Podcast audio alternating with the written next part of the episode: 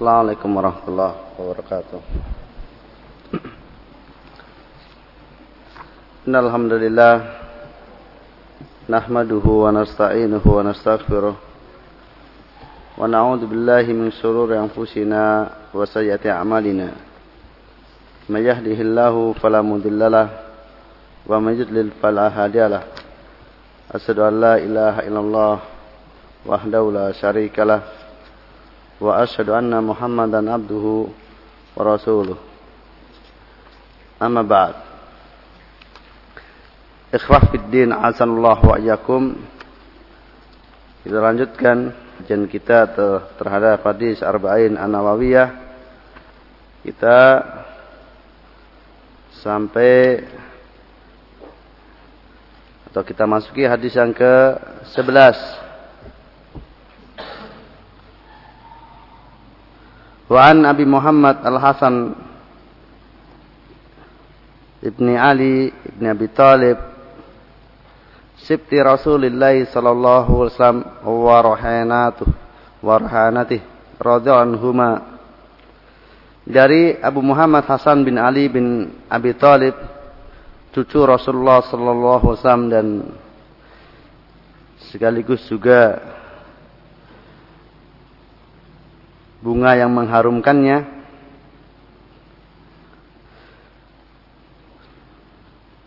Qal semoga Allah meridhai keduanya.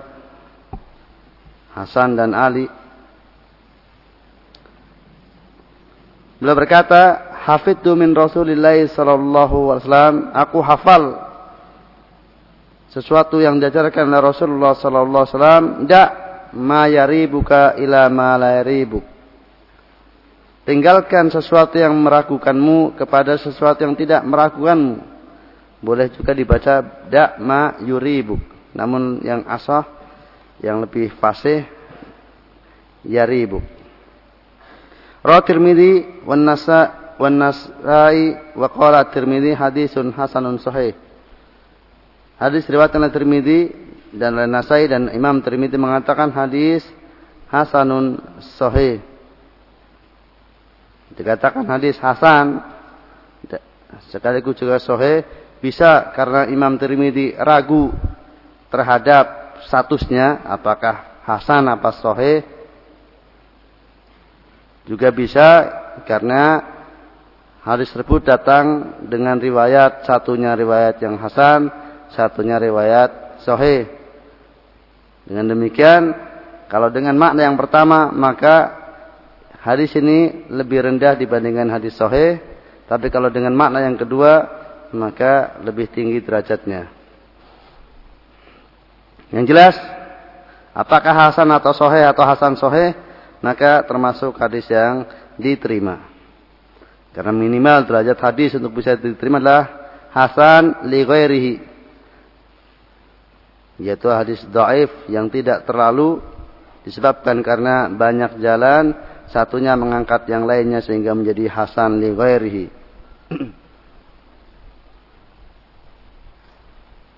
Di dalam hadis ini ini merupakan nasihat yang sangat berharga dari Rasulullah sallallahu alaihi wasallam. Mirip dengan hadis Nu'man bin Bashir di mana kita diperintahkan untuk meninggalkan yang subhat. Faman taraka subhat faqad istabra dini wa irdi.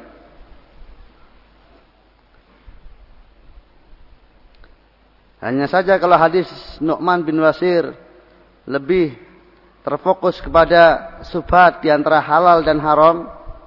Artinya status hukum apakah halal, apakah haram. Ragu apakah ini, apakah ini halal, apakah ini haram.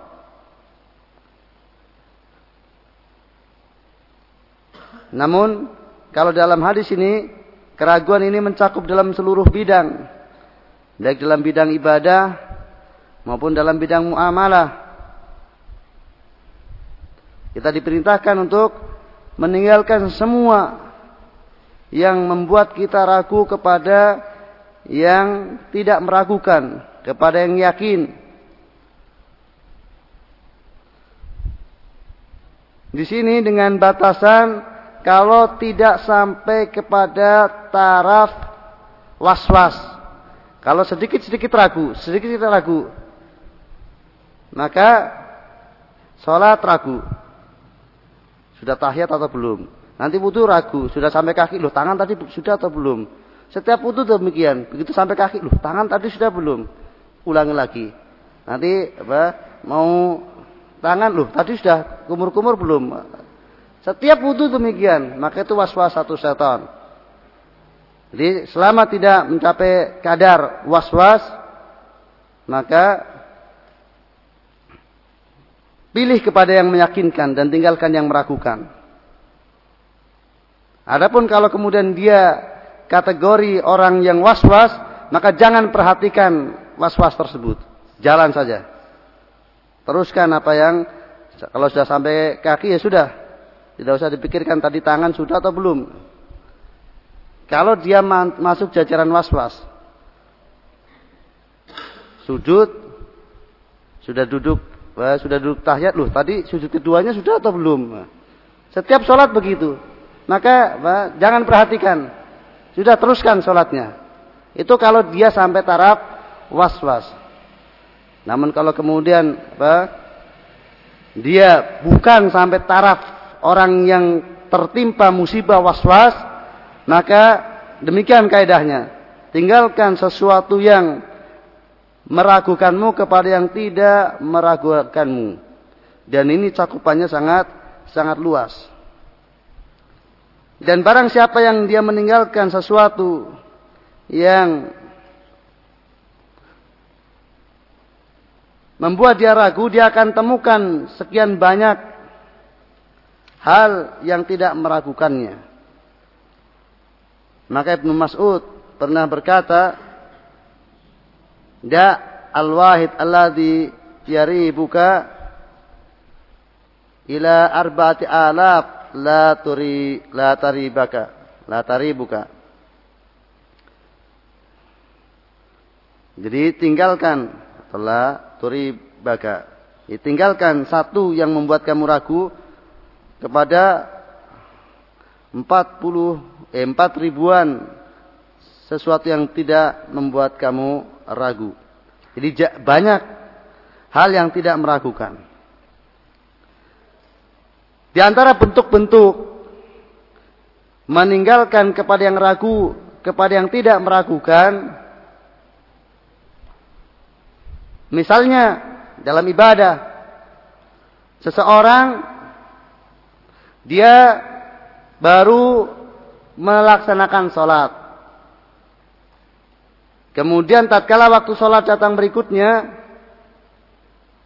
atau tatkala kemudian dia mau sholat sunnah misalnya, dia dari melaksanakan sholat wajib, kemudian ngobrol. Setelah itu dia mau sholat sunat. Kemudian ragu, loh saya sudah batal atau belum? Maka tinggalkan kepada yang ragu ini kepada yang tidak meragukan. Kalau tadi baru sholat, artinya kamu baru saja berwudu. Maka asalnya, pada dasarnya kamu punya wudu. Selama kamu tidak punya dalil, tidak punya bukti bahwasanya wudumu telah batal, maka kembali kepada asal, yaitu kamu dalam keadaan berwudu. Itu namanya meninggalkan kepada yang meragukan kepada yang tidak meragukan. Sebaliknya, kalau kemudian kamu dari buang air, kemudian cerita-cerita-cerita ragu, tadi saya sudah butuh atau belum ya? Tatkala dari kamar mandi tadi saya sudah butuh atau belum? Jelas tatkala di kamar mandi, antum baru buang air. Cuma ada kemungkinan setelah itu wudhu dan juga ada kemungkinan tidak wudhu. Kamu ragu. Saya tadi wudhu atau tidak ya? Saya mau sholat ini. Maka tinggalkan kepada yang meragukan, kembali kepada asalnya. Itu asalnya kamu dalam keadaan tidak wudhu. Karena kamu dari kamar mandi, baru buang air. Nah ini namanya meninggalkan kepada yang dari yang ragu kepada yang tidak meragukan. Dan perbuatan seperti itu akan mengenakan. Maka orang yang melaksanakan nasihat Nabi Shallallahu Alaihi Wasallam tersebut, dia akan uh, mendapatkan ketenangan hati. Hatinya akan tentram. Dalam muamalah misalnya, jelas kamu ingat kalau kamu punya hutang. Kemudian ragu, saya sudah bayar hutang atau belum ya? Ragu, sudah bayar hutang atau belum ya? Allah, ya sudah sajalah. Itu namanya keliru. Asalnya, kamu jelas ingat kamu pernah berhutang sama si fulan. Kemudian kamu ragu sudah bayar atau belum. Maka mestinya bangun kepada yang tidak meragukan. Kamu belum bayar. Maka bayar hutang tersebut. Bukan Kebetulan temannya juga lupa. Ya sudah kalau begitu berarti sudah ya. Tidak. Untuk mengenakan bayar. Itu namanya meninggalkan kepada yang meragukan kepada yang tidak meragukan. Demikian juga misalnya baju dalam keadaan suci. Kemudian kamu ragu, tadi kena kencing apa tidak ya? Kemudian kena air ini air air apa ini air kencing atau bukan? Maka aslinya sesuatu su suci. Maka buang keraguan itu sampai kamu yakin bahwasanya bahwa itu memang sesuatu yang najis. Namun sebaliknya, kalau kemudian bajunya kena najis, kemudian lupa, ini baju sudah saya cuci atau belum ya? Baju ini sudah saya cuci atau belum ya? Kok kayaknya. Nah, daripada repot-repot, aslinya baju itu kenapa? Kena najis. Maka tinggalkan kepada yang meragukan kepada yang tidak meragukan, yaitu kena najis. Cuci. Dan demikianlah. Enak sekali. Dan dalam seluruh aktivitas kita. Demikian juga tatkala kemudian sholat ragu. Ini rokat kedua atau rokat ketiga. Maka tinggalkan kepada yang tidak, tidak meragukan rokat kedua. Kecuali kalau kamu punya punya dalil-dalil. Artinya ada sesuatu yang memuatkan. Ah, tadi kayaknya baru anu kok. Apa? Baru tahiyat. Jadi punya sesuatu yang menguatkan, maka karena juga di sana ada hadis, kalau kemudian mereka taharros dan dia memilih kepada yang diperkirakan benar, itu namanya tidak ragu. Kalau kemudian ada korina, kamu punya bukti-bukti yang salah satu menguatkannya, maka itu namanya sudah bukan ragu. Yang namanya rep, syak, itu memang tidak bisa ditarjih. Tidak bisa dirojihkan. Tidak bisa dipilih mana yang lebih kuat. Di antara kedua hal tersebut. Maka selama tidak bisa mempunyai bukti-bukti untuk menguatkan salah satunya, maka kembali kepada asalnya. Maka termasuk perbuatan yang tercela jika seseorang ada dalam dirinya keraguan, tetapi dia tetap mengerjakannya dalam keraguan tersebut. Itu meninggalkan perintah Rasulullah sallallahu alaihi wasallam, "Da ma yaribuka ila malaya buka. Dan hadis ini termasuk hadis yang merupakan dasar dalam sikap warok.